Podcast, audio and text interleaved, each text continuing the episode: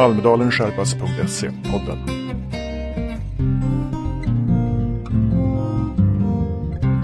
Välkommen Peter! Tack så mycket Stefan. Eh, Peter Svenonius och Stefan Jage om Almedalen, Almedalen Sherpas. Vad är det för en påhitt? Det är ett påhitt därför att vi ehm, som har varit i Almedalen och framförallt har jobbat med eh, kommunikation och marknadsföring i olika sammanhang har väl upplevt att Almedalen, många blir ett mål i sig när det egentligen är ett, ett medel för att uppnå ett mål. Och känner att här finns det saker vi kan eh, komma ut och berätta om så att de som är och ska till Almedalen ja, får lära sig lite mer om hur man kan eh, göra lite bättre före, under och framförallt efter för att se till att aktiviteten i Almedalen får den effekt som man vill uppnå. Och I år är det alltså 2013 och när vi spelar in det här det är mars 2013. Förra året så var det rekord i Almedalen. Det var mm. 968 anmälda arrangörer. Sen så tillkom det väl de som hade spontana evenemang.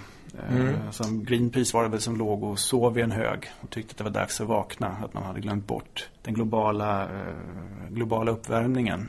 Det jag minns bäst från förra året det var ju den eh, stora högen med morötter som Fyffes dumpade ner i en rondell i, eh, i Almedalen i hamnen och skrev att det behövs, eh, alla behöver en morot.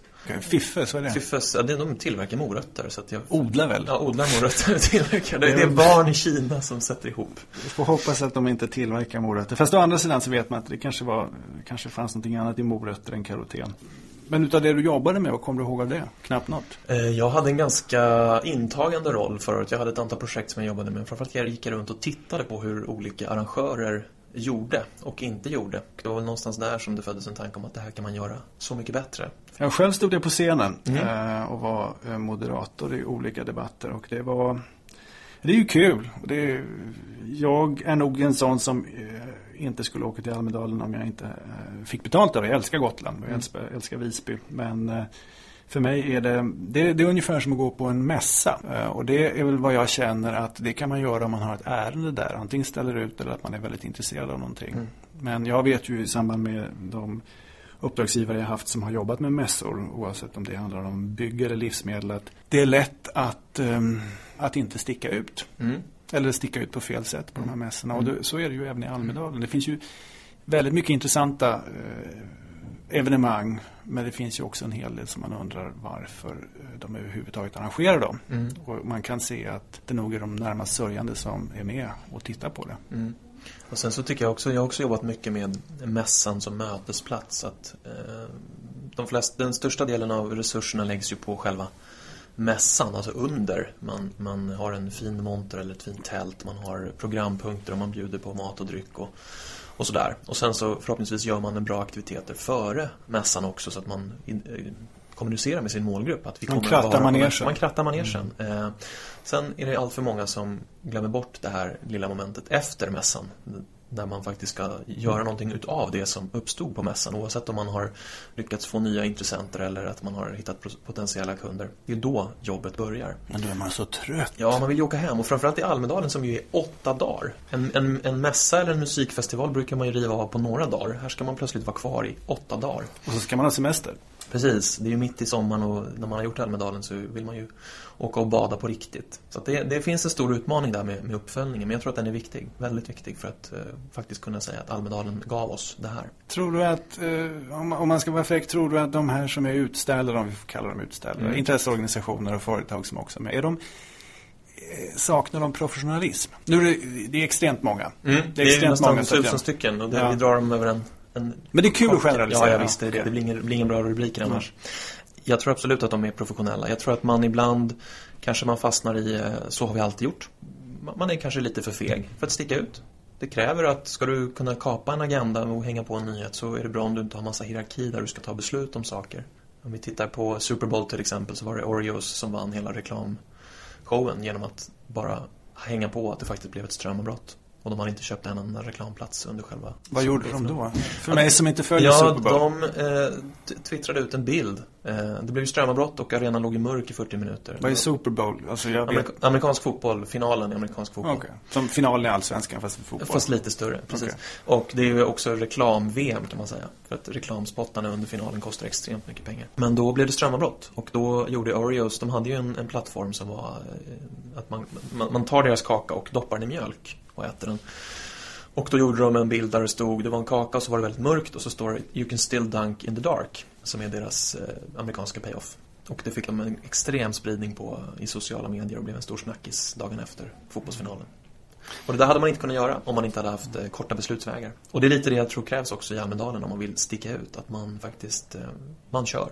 Och att man kan vara situationsanpassad. Mm, verkligen. Ja, nej, för att twittras gör ju något fruktansvärt i Almedalen. Mm. Jag, menar, jag, jag, vet att jag har lett debatter med människor som har stått och twittrat medan de väntar på att få säga sin replik. Mm. Jag, jag, misstänker att de kanske inte riktigt lyssnade till vad de andra sa i debatten. Mm. För de är ju slipade många. Ja, verkligen. Jag såg en siffra från Hampus Brynolf som hade sammanställt alla tweets förra året. Och det var 110 000 tweets som skickades under Almedalsveckan. Från Visby? Ja, som hade med Almedalen att göra. Okay. Inte undra på att det är problem att ibland att nå nätet när man är i Almedalen. Ja, det är precis. För boende och uppkoppling brukar vara de två största huvudverkarna som arrangör. Ja, men det är också att mata ut relevanta, relevanta ämnen, hashtaggar. Mm det är många, det är liksom, det är ju samlat. Ville man verkligen skada organisations-Sverige så skulle man ju göra någonting i mm. Almedalen. Ja, det var nu ska jag inte ge någon nej, idé, men... tips här, men det var väl någon som skrev det också att eh, en av de tweets som fick mest uppmärksamhet, den skickades faktiskt från fastlandet. Och det var väl i princip att nu är alla där, så låt oss ta över. Revolutionen börjar idag. Ah. Det var ju en väldigt upp, uppskattad tweet faktiskt. Okej, okay, vem var det som hade skickat den då? Det kommer jag inte ihåg. Jag ska söka lite raskt här och se om jag kan få fram det. Jo, eh, den som skickade den tweeten var J. Bostrom som skrev så här. Alla politiker och mediemänniskor är i Almedalen. Det här är vår chans att starta ett nytt samhälle. Den hade då retweetats 65 eh, gånger och eh, favoritmarkerats 58. Enligt ja. siffrorna just nu då. Okay. går det att se om det var någon av de som var i Almedalen som hade favoritmarkerat den? Ja det, ja, det gör det väl i och för sig. Det kan vi titta på här. Men det här med att det är många som är där samtidigt. Liksom, du, du når ju alltså Almedalen. Det finns ju ingenting ont om Almedalen som inte jag själv har sagt. Men det finns ju någonting positivt också med det. Och man kan faktiskt ganska lätt eh, prata med både beslutsfattare och med intresseorganisationer. Så det går ju att knyta kontakter. Vilket mm. man inte ska förakta. Och det går hyfsat lätt. Nu är det ju svårt att få Europa EU-parlamentarikerna på plats för de har ju sista sessionen samtidigt som Almedalsveckan Men annars är ju väldigt många Eh, politiker tillgängliga. Mm. Också kan ställa upp om de inte föraktar arrangören eller ämnet. Mm. Ja, och det är ju alltså det är ju en fantastisk möjlighet att uh, precis träffa, träffa rätt och nya människor som kan påverka ens verksamhet. Oavsett om du säljer en idé eller en, en produkt eller tjänst. Eller vill påverka förutsättningarna för mm. din uh, produkt eller tjänst. Mm. Det finns ju en hel del företag som står och delar ut allt ifrån kepsar till sittunderlag och vad det nu är för någonting. Vattenflaskor brukar vara populärt tidiga morgnar och frukostpåsar var ju en stor snackis förra, förra året. Att de, det hängdes eh, en frukostpåse på, på ditt hotell, dörrhandtag. För de som bodde på hotell? För de som bodde på hotell och de som sov på sitt hotell den mm. Men det var en annan sak kanske. Ja, men det gör väl folk. Jag... Den, den, mest retweetade jag hittar här som från förra årets um, Den mest delade Det var David Batra som skrev så här Kan ni som är i Almedalen den här veckan vara snälla och twittra massor om vad ni gör vi som inte är där sitter redo med anteckningsblock. 300, 310 stycken som har retweetat den. Ja, men det var roligt. Mm. David Batra är alltid rolig. Han är alltid rolig. Den politiker som lyckades bäst var Lars Ohly. Han skriver så här, nej, jag orkar inte lyssna på Björklund. Jag gör en egotripp genom att lyssna på mitt sommarprogram från förra året istället. Fan vad bra. Så han stal den showen lite där, den på Folkpartisternas dag. Ska vi se, Lars Björklund, vad jag har lyssnat till något politikertal. Jag tror inte att jag, jag tror inte att jag hörde något politikertal i år. Förra året tror jag att jag hörde Jan Björklund. I år? Du, ja, ja, du alltså ja, förlåt mig, 2011. Men uh, jag tror inte att jag gjorde, hörde, lyssnade till någonting 2012 mm. faktiskt. Jag gjorde någonting annat istället. Det var ganska hektiskt för mig. Mm. Jag, var, jag lyssnade på några, men det, det, det är ju alltid som när man ser en, en, när man inser att man själv inte är publik utan man är rekvisita som det kan vara på vissa konserter ibland. Att, att publiken är där för att ge en inramning och inte för att eh, faktiskt uppleva musiken. Utan det spelas in för tv eller, eller så. Ja, ja, ja, du kände som en statist. Ja, lite så. Lite så. Mm. Jag tror att orsaken till att det älskas utav, utav eh, politikerna är väl för att deras område för en gångs skull. De upplever att deras ideolog, ideologi hamnar i fokus. Mm. Och det är ju ett sätt att eh, säga, elda på massorna och tala om att man finns. Och det är väl också därför många intresseorganisationer och företag i Almedalen, de ska visa att de finns. Mm. Och jag tror att det finns inte så få som också åker dit. Eh, ja, de ser det helt enkelt som du som inledde med att säga. Att, jag menar, man ser det som ett mål och inte som ett medel. Man ser att målet är att man kan säga att man har varit i Almedalen och mm. arrangerat någonting. Mm. På gott och ont. Mm.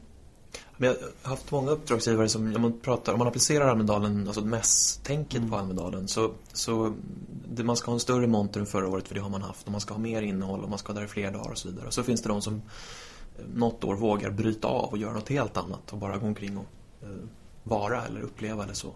Det är ju alltid viktigt att börja med varför är vi där? Vad vill vi uppnå?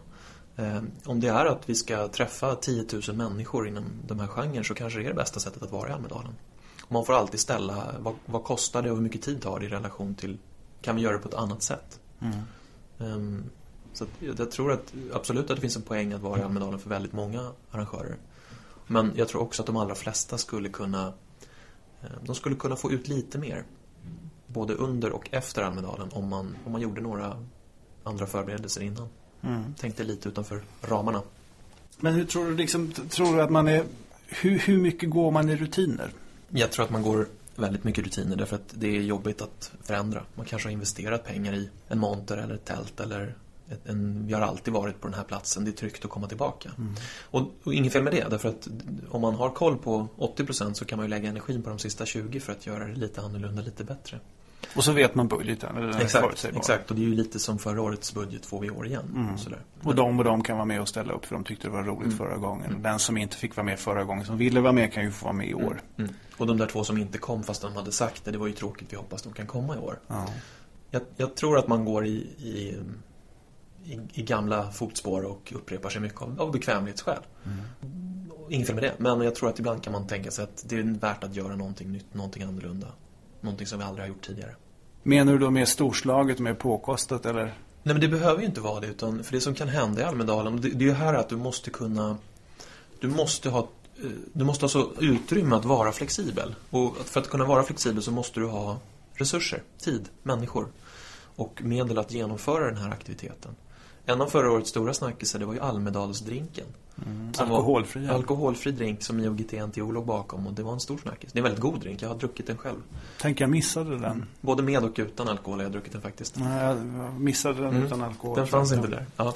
Eh, så det går ju att göra mycket sådana med enkla medel. Eh, de här morötterna var ju en annan aspekt och sen har du det att du kan eh, göra kan du sammanställa vad folk gör på Twitter och så publicera det så har du ju också ingångar till att faktiskt bli en snackis. Men vad jag, vad jag kan reagera över med Almedalen då som, som, som är där och eh, gör en in and out som det heter. Mm. Eh, att en hel del av det man ser är väldigt studentikost och då menar jag inte det nödvändigtvis i en positiv bemärkelse. Mm. Alltså risk, risk, ja, men risken att man, man glider över i någonting pajigt. Att man mm. har några entusiastiska människor som som ska gå och göra någonting. Du har ju, vet du, Ullmans favorit var mm. väl mm. förra året. Mm. Med kvinnor som hade något, du får berätta. Ja, Ullman PR hade ju sin, eh, man får inte säga monter eller tält, för det var en paviljong. Ja. Eh, men där var det ju Ullman själv som hade tryckt upp sig på allt ifrån flaggor och eh, dörrmattor till tröjorna som de som jobbade hade på sig med hans porträtt i lagom brösthöjd. Vilket en del uppfattade som ganska ganska roligt och Aha. lite sexistiskt också. Men, men de här dörrmattorna måste ju vara populärt att ha så mm. man får torka fötterna mm. på honom. Nu regnar det inte så mycket den dagen men, men uh, han, han, fanns på många ställen i, i och kring sin paviljong. Låg precis bredvid en, en annan monter. Där hade man kommit på att en viktig aspekt, internet är ju viktigt och eh, boende, men när man väl har löst det så brukar ström till mobilen vara ganska uppskattat. Där kunde man ladda in sin mobil och få den laddad, vilket var väldigt uppskattat. Okej, okay, ja, men det var ju fiffigt. Mm. Det var fiffigt och det misstänker att många utnyttjade. Ja, absolut. Och det blir en sån här indragare. Det är som att ställa en skål med, med karameller lång, en bit in i montern så att folk måste gå in för att få tag i dem. Okay. Mina favoriter brukar annars bli, det är kanske också konstigt att prata men mina favoriter brukar vara de här småtälten. Ja, de längs med hamn. Ja, där det finns eh, allt ifrån amalgamska, vet du, amalgamföreningen och mm. UFO-föreningen mm. och vad det är för några. Finns UFO-föreningen kvar? Jag har inte sett dem. Finns de så finns de i Almedalen. Alla pratar om dem men ingen har sett dem. Nej, men så, så, kan det vara. Men, men jag kan tycka att de här små utställarna är fascinerande därför att de på något sätt eh, exemplifierar Almedalen. Mm. Både på gott och ont. Mm, alla, har, alla har utrymme och chans att göra sin röst hörd. Ja. Jo, absolut. Även om de kanske inte når så himla långt därför att ner till hamnplanen går man inte om man ska gå till LRF och lyssna på en bra debatt. Mm, precis, det är så här utkanten. Det är som att stå i, i foajén till den stora mässhallen. Nästa ja. år kanske vi får komma in. Nästa år. Men det här, beskriver det, kan man beskriva det som en Hultsfredsmäss, Hultsfredsfestival för de välartade? Ja, det är lite som Way Out. West, sådär, att, att här sitter vi inte i gyttja utan vi sitter på liggunderlag. Okej. Nej, men eh, Almedalen är ju, eh, oftast är det bra väder. Mm. Eh, det är mysigt att vara i Visby. Och eh, ja, folk är glada. De har shorts på sig och trots att de är i stadsmiljö. Eh, Och sen så kan man gå på jippo på kvällarna. Mm, det kan man göra. Man kan gå på väldigt många jippon på kvällarna. Man, alltså, det är någonstans, det var ju, du sa siffran 900 någonting arrangörer och nästan 2000 arrangemang som var registrerade. Det vill säga i snitt två. Och då har du varje kväll och eh, så finns det ett antal olika aktiviteter man kan gå på. Vi har rosémingel är väldigt populärt. Jag såg någon infografik från det där förra året. Det har de gjort just med roséflaskor med antalet alkoholtillstånd. Det gör faktiskt att du måste ha tillstånd för att servera alkohol även om det är slutna sällskap. Då. Så att, eh, det var en lite rolig infografik där. Den visade att antalet alkoholtillstånd minskar. Men onsdag var den stora dagen förra året. Och det där brukar väl också hänga samman med vilken dag politikerna, de politiska partierna har. Att det varierar, de roterar ju där. Förra året var ju första året som det var åtta arrangörer och inte sju som det varit tidigare i och med att det är alla riksdagspartier. Och nu inleder det partiet som fick sämsta dagen förra året. De inleder väl. Precis, och sen, och, men jag tror väl att någonstans i mitten är väl det, det bästa tror jag. I år så är ju so, so, Socialdemokraterna är ju sist i år. Mm. Vilket kanske borgar för, i och med att de är så pass stort parti, att man finns en förskjutning kanske i. Att folk är kvar. Ja, så skulle det kunna vara. I år börjar Kristdemokraterna och sen kommer Sverigedemokraterna och Miljöpartiet. Visst, visst anpassar sig även besökare utifrån vad, vad arrangörerna gör och när de ligger. Ja, ja, nu har vi pratat runt Almedalen. Jag tänkte att i nästa podd som kommer eh, så tänkte jag vi skulle ta och gå igenom lite det här man behöver tänka på. Mm. Så kan vi runda här och sen så hörs vi snart Det igen. gör vi. Tack så länge Stefan. Tack så länge Peter.